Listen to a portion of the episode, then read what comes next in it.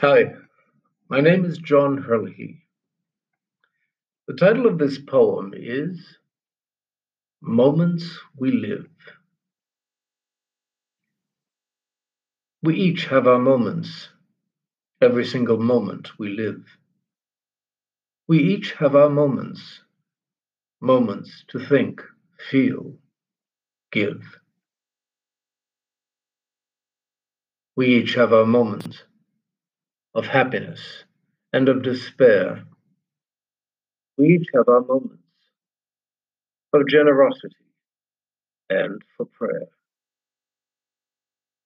We have moments of longing as we reach out from the self.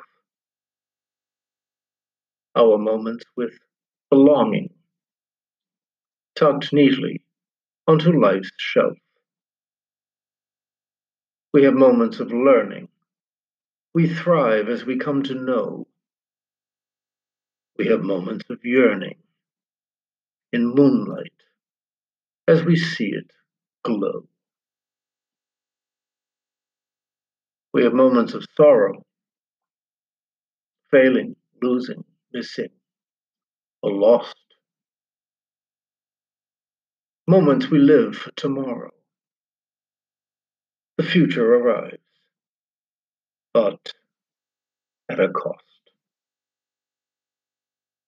We have moments of waiting for things that never do arrive. The unknown lies there baiting when all we want is to survive. We have moments of confusion. Things happen. I ask what to do. Miseries can arrive in in profusion. In my imagination, I never knew. Now, all the moments of hiding, my smile hidden behind a mask. Still, I keep my thoughts abiding. Victory, as we keep to the task.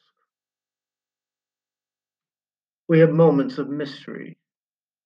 We feel touched by magic spell savor moments of such beauty. How they thrill me, I will never tell. Myriad moments to fill the day. One by one, I will count the ways. What will happen, I can never say.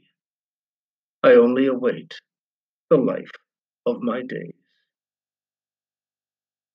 And that's my poem. Thanks very much for listening.